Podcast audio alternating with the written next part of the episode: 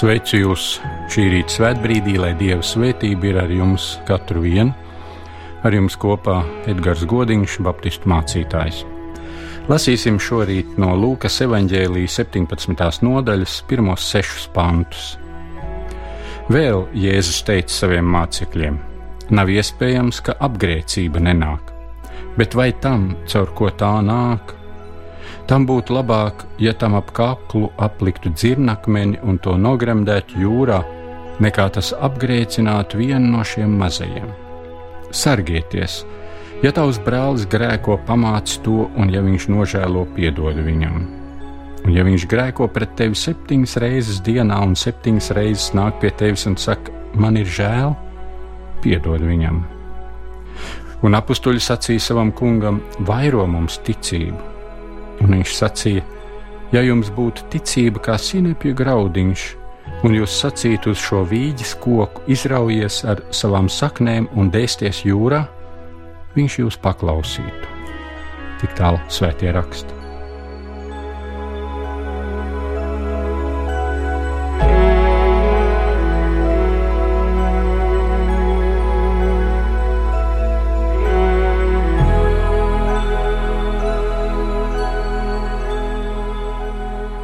Mācekļi saka, Jēzum vairo mums ticību.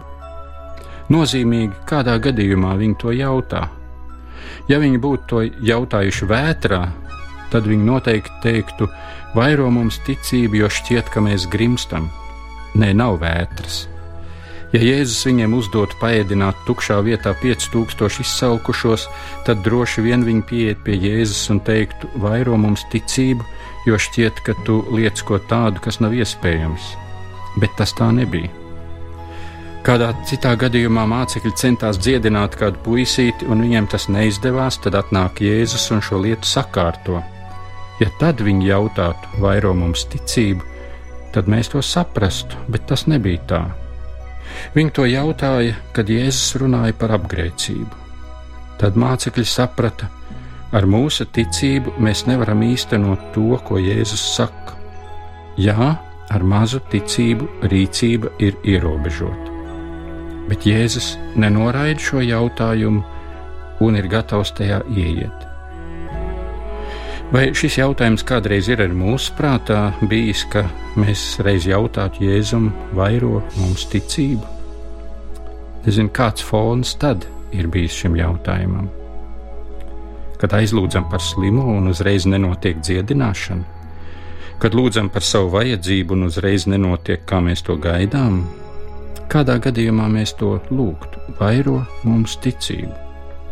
Jēzus iegāja šajā jautājumā un gribēja to atbildēt, jo viņam bija ļoti svarīgi to parādīt, ka ticība nav kaut kā pieņemšana, uzticēšanās kādiem apstākļiem, jēdzieniem vai apgalvojumiem, bet ticība ir pieslēgšanās Dieva realitātei pasaulē. Un tas ir tik svarīgi, ka tur ir jāieklausās un jāieskatās, lai tas tā notiktu. Ticībai pašai par sevi nav nekādu vērtību Ticības vērtību rada tas, kam tic. Jēzus vēlējās cilvēkiem pateikt: ticiet tam, ka es esmu no Dieva sūtīts, un ka es esmu Dieva dēls, un ka es atnācu ienest dievišķību pasaulē. Un to piepildīšu, un jūs varēsiet caur mani nākt pie tēva un mūžīgajā dzīvē, un ka tēva mīlestība no šī brīža ir uz jums. Ticiet man! Jēzus to ar vienu saka: ticiet tam, ko es esmu sacījis, ka tas ir patiesi. Stāviet ticībā, nevis uz kādām iedomām, bet uz cietiem ticības akmeņiem, uz cietiem pamatiem. Un neļaujiet sev aizraut līdz ticībām, kur kaut ko iestāst un sajūt, bet ticiet, ka Kristus ir nācis no debesīm, un Viņš ir Dieva dēls, un Viņš to atklāja, kas ir debesšķīgs, un Viņš ir tas, kurš ienes debesis pasaulē. Tā ir evaņģēlīja vēsts. Un no šis vārds ticība ir aizgājis līdz ļoti praktiskai izpausmei, līdz ikdienas dzīvei, kur dzīvo cilvēks, par kuru viņš saka, viņš ir ticīgs, jo viņa spēks nāk no dieva. Viņš dzīvo pēc dieva likumiem, viņš īsteno dievu kārtību pasaulē un dievu klātnību sabiedrībā. Viņš ietver sevī dieva realitāti visās attiecībās, bet attiecības bieži ir problēmu vide, un tur ir jāienāk ticībai. Kāpēc man ir jāpiedod, kāpēc man ir jārūpējas par otru cilvēku? Jēzus runā par apgrēcību. Kas ir apgrēcība? Tas ir kādu cilvēku pagrūst nost no dieva ceļa, Un tas ir tas briesmīgākais, ka es ar savu dzīvi kādam cilvēkam nolaupu viņa ticību dievam, apmierinot savu egoismu, aplaupu viņa mūžīgo dzīvi. Tas ir briesmīgi. Ja kāds cilvēks saka, ja ticīgs cilvēks pret mani tā rīkojās, es dievam neticēšu. Tā ir apgrēcība. Bet Kristus mūs grib pacelt, lai savstarpējās attiecībās ienestu debesu kvalitāti. Kad citi no malas skatoties saka, es arī gribētu dzīvot tā, kā viņš dzīvo, kā ticīgais dzīvo. Es arī gribētu tā darīt savu darbu, kā viņš. Es gribētu tā savu ģimeni un laulību veidot kā viņš. Es gribētu sasniegt to spēku, kas tam cilvēkam ir, kurš dievam tic kā viņš var pārvarēt savu slimību, grūtības, neizdošanos, neveiksmi. Kur ir tas noslēpums? Un lūk, ticība kļūst par liecību, bet ne par apgrēcību. Tur ir ticības spēks. Un, ja mācekļi aizdomājās tikpat tālu kā mēs šorīt, tad var saprast, ka viņi sacītu Jēzu, bet tu zini, ka tu prasi par daudz, to neviens nevar. Kāpēc, lai es to varētu? Vienīgi, ja tu vairo mums ticību tam, ka Dievs piedalās, ka Viņš arī runās uz otru cilvēku, kas man pārdarīja, ka Viņš katrā konflikta situācijā ir klāt izšķirt taisnību, vairo man ticību, ka tu redzi, ka tie sāpīgie notikumi, kur ienāk manā dzīvē, ka tie nebūs tikai ēnas un tumsa, bet ka tie kaut kādā absolūti brīnumainā veidā pārvērtīsies man par labumu un svētību. Tā ir ticība. Tā ir ticība, ka mēs varam iziet savā dzīvē un sacīt, Dieva likums man ir svarīgāks, kaut gan šobrīd es to tā nesaskatu. Es to daru ticības Dievam dēļ, jo es nesu sava kunga garu un īpašību, kur viņš man ir devis. Caur uzticēšanos Jēzum atnāk ticība. Ja mēs lūgtu Jēzu vairo mums ticību, kā mēs redzētu, ka mūsu ticība ir pavairojusies? Jo, ja mēs sakam vairo, tad jau tas nozīmē, ka varētu būt arī vairāk. Kāpēc es redzu, ka varētu būt vairāk? Vai nu Dieva vārds to saka, vai arī es to saskatu pie citiem Dieva cilvēkiem? Man ir mazāk, viņam ir vairāk. Un es arī gribu to vairāk. Jēzu, tu esi īsta adrese, pie kā iet, jo ticība neviens cits nevar pavairot kā tikai tu. Mēs paši arī nevaram. Vienīgi iet pie Kristus un teikt: Kungs, mana ticība dzīvei ir par maz, pavairo to. Dod, lai man ticība kļūst par drošu dzīves vidi. Un Jēzus sāks savu darbu. Bet kad mēs zināsim, ka kaut kas notiek, Es skatījos Dieva vārdā, ka tur ir kādi standarti, uz kuriem Dievs grib aizvest savus cilvēkus caur ticības izaugsmi. Un tie ir mērāmi un tie ir novērojami. Tas ir redzams, jo Jēzus arī teica, ja jums ticība būs, jūs varēsiet izraut kokus. Tātad paveikt kaut ko redzamu, ko arī citi redz. Jēzus līdzībā rāda, ka maziņš sinepju graudu stādiņš kurš var izveidot tikai krūmu, var izsakņot vīģes koku, kuram ir ļoti spēcīga sakņu sistēma. Un tādu dabūt ārā no dārza ir patiesi lielas pūles. Vai mums dzīvē nav kādas lietas, par kurām mēs sakām, Jēzu, tās nevar izmainīt? Neviens nevar izmainīt manu vīru dzērāju, neviens nevar iedot man darbu šajā vietā, Neviens nevar dziedināt to cilvēku, kurš ilgstoši jau ir slims. Neviens nevar atjaunot mūsu attiecības laulībā. Ir kādas dziļas pagātnes saknes, kuras stāv stiprāk realitātē nekā vīģis koks zemē.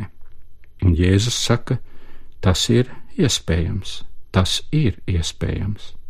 Mazais sinepīga graudiņš to paveiks. Ar ko mēs varam mērīt un redzēt ticības pieaugumu un izaugsmi. Jesaja 26. nodaļā raksta, kam stipra ticība, tam tu dodi mieru. Tiešām mieru, jo viņš paļaujas uz tevi. Tātad ticības izaugsmes viens no redzamajiem punktiem ir paļāvības pilns miers. Un uz to mēs varam droši gaidīt un cerēt, un tad, kad mēs lūdzam Jēzu vairo man ticību, mēs drīkstam sagaidīt un tiekties tai virzienā, ka mūsu dzīvē stress atkāpjas, un ka satraukums, nervozitāte, ātri uzvilkšanās atkāpjas, un ka tā vietā ienāk miers, ka mēs pārvēršamies par miera nesējiem un miera cilvēkiem, par tiem, kur būtība ir miers un tas miers, ko Dieva vārds nes pretī, tā ir radoša, mierīga aktivitāte.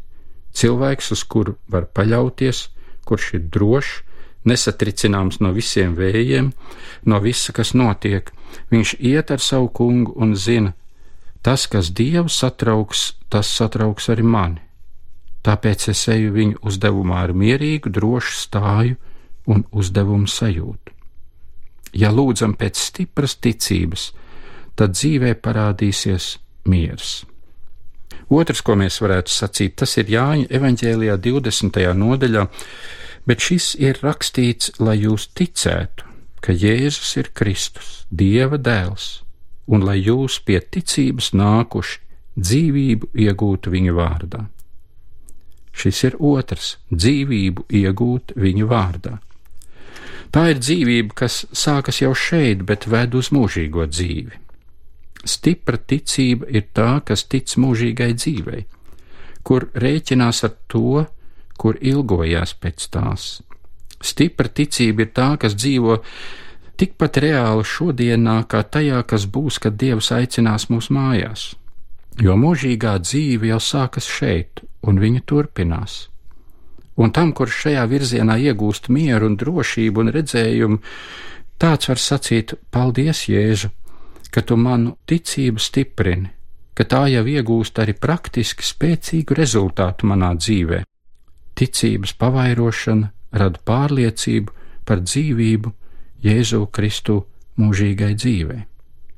Un vēl romiešu vēstulē mēs lasām 4. nodaļā, kam darbu nav, bet kas tic tam, kas bezdievīgo taisno, tam viņa ticība tiek pielīdzināta par taisnību.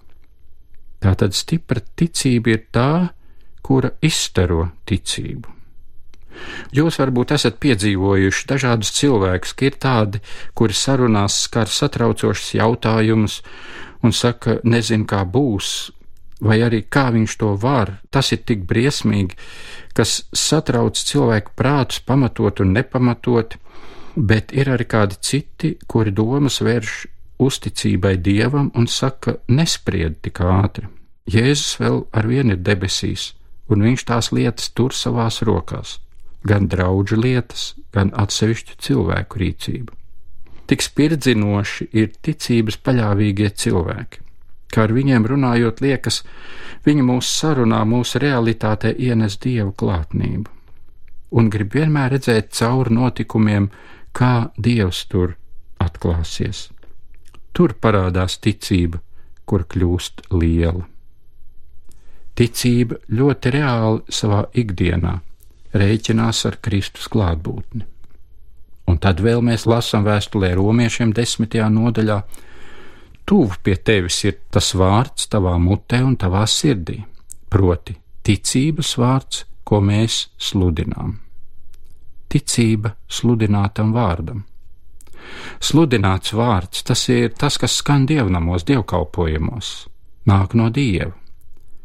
Un vārds vairāk vai mazāk cilvēku aizskar, un tā ir katra atbildība ilgoties pēc tā vai to noraidīt. Vienalga, vai tas ir spējīgāks vai mazāk spējīgāks mācītājs, bet mēs zinām, ka viņš ir dieva kalps, kurš no dieva ņem un ienes dieva gribu un dieva atklāsmi pasaulē. Tā ir ticības izaugsme, kad spējam sacīt, jā, tas patiesi ir manās interesēs saņemt dieva vārdu, un tāpēc es eju uz dievnam. Man interesē, kā svētais gars pieskarsies manai dzīvei, un es ticu, ka Dievs arī šodien grib to darīt. Tā ir ticības izaugsme, tā ir stipra ticība.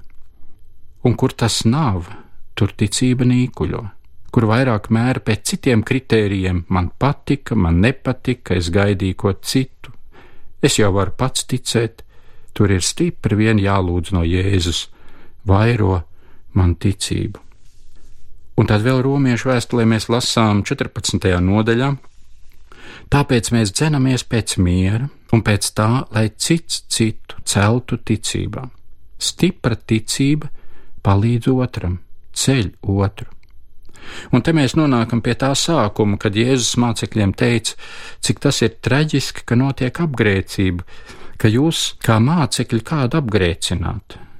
Un apustulis Pāvils saka, Tiecieties pēc tā, lai jūs cits citu celtu ticībā. Tās ir mūsu attiecības, kur mēs vai nu kādu gāžam, vai kādu iedrošinām ticībai. Tās ir mūsu attiecības, kur mēs rēķinamies ar savām acu mirkļu sajūtām, vai arī ticībā gaidām uz savu pestītāju.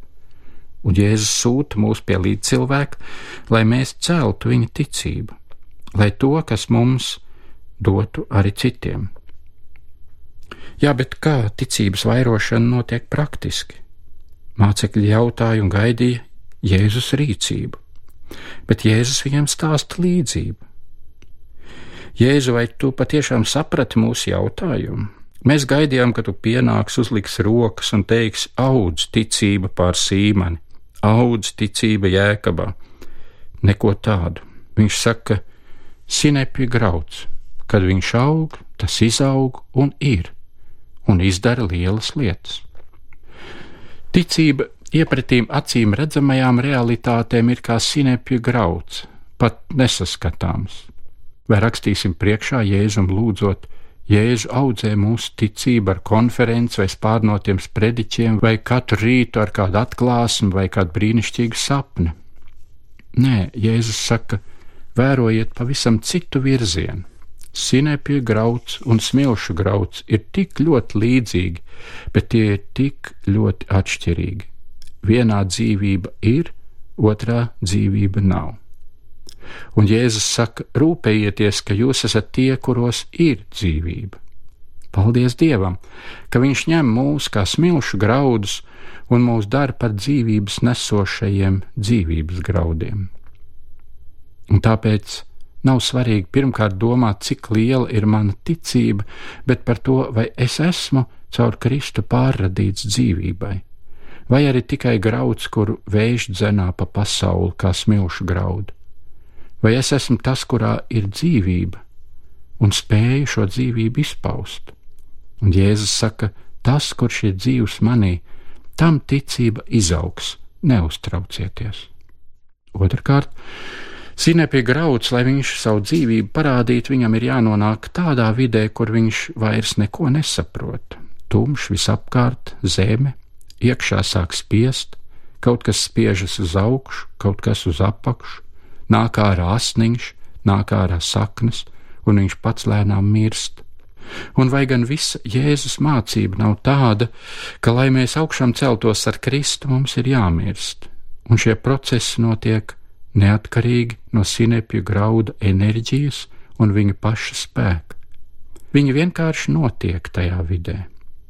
Un ja mēs sevi atpazīstam vidē, kur nevar neko redzēt, nevar neko saprast, nevar neko kontrolēt, un viss ir izgājis no rokām, tad tā ir brīnišķīga vide, kur mēs varam sacīt: Jēzu, tagad tas notiek, tagad nāk dzīvība, tagad ticība aug. Tagad tu gribi mani audzināt uzticībā tev. Cilvēks labās dienās neaug, viņš aug tikai bēdās. Un ja mēs to zinām, tad varam pateikt paldies Dievam par šo laiku, tagad aug mana ticība. Bet ticība aug uz riskantas robežas - neticība vai ticība. Šādos brīžos, tumšos brīžos, tuvu ir spriedums. Ja Dievs tā dara, tad man viņš nav vajadzīgs. Bet var arī pateikt, ja tu tā Dievs dari, tad es redzu, ka tu mani audzē, man ticību veido. Paldies Dievs par to! Šobrīd es neko neredzu, tumšs, sāp, spiediens, nesaskatu jēgu, neko neredzu, bet nāks laiks, kad tas asniņš iznāks virs zemes, un tad daudz to redzēs. Tad, kad mēs piedzimstam Kristum, tad svētajam garam ir dots uzdevums - audzini šo cilvēku, strādā pie viņa, noved viņu mūžībā, lieto viņu pasaulē un daudz vairāk nekā svētā gara brīnumainās dāvanas vai spējas, ir tas brīnums, ko svētais gars dara pie mums, lai raksturā, uztverē un lēmumos parādītos ticība. Un to viņš grib panākt nevien pie mums, bet to viņš grib panākt arī caur mums. Mums ir nepieciešama ticība, lai izietu lielos uzdevumos, bet Jēzum nemazāk sāp sirds par ticības trūkumu attiecībās vienam ar otru un tur viņš gaida mūsu ticības vairošanos. Un šādas ticības saturs ir: es rēķināšos ar Dievu visās situācijās, es esmu gatavs iekļauties tajā, ko Dievs dara. Un šādas ticības saturs ir pieaugoša ticība, kur Jēzus meklē, un tā ir sakņota mīlestībā. Āmen!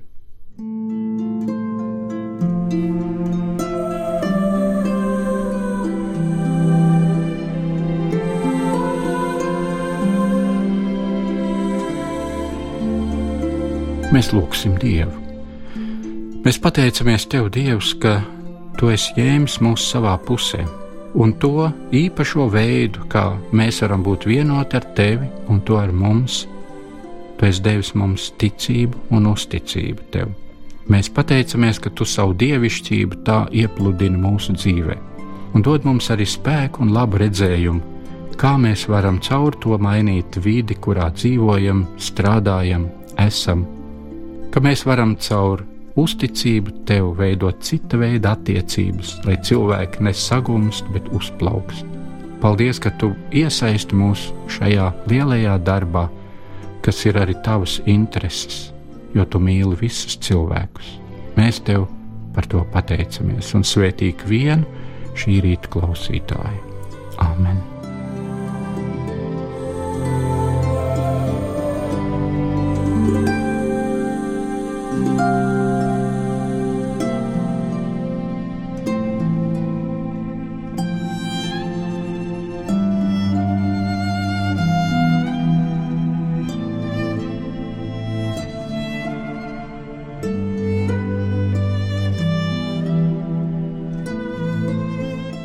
Ar jums kopā bija mācītājs Edgars Godiņš.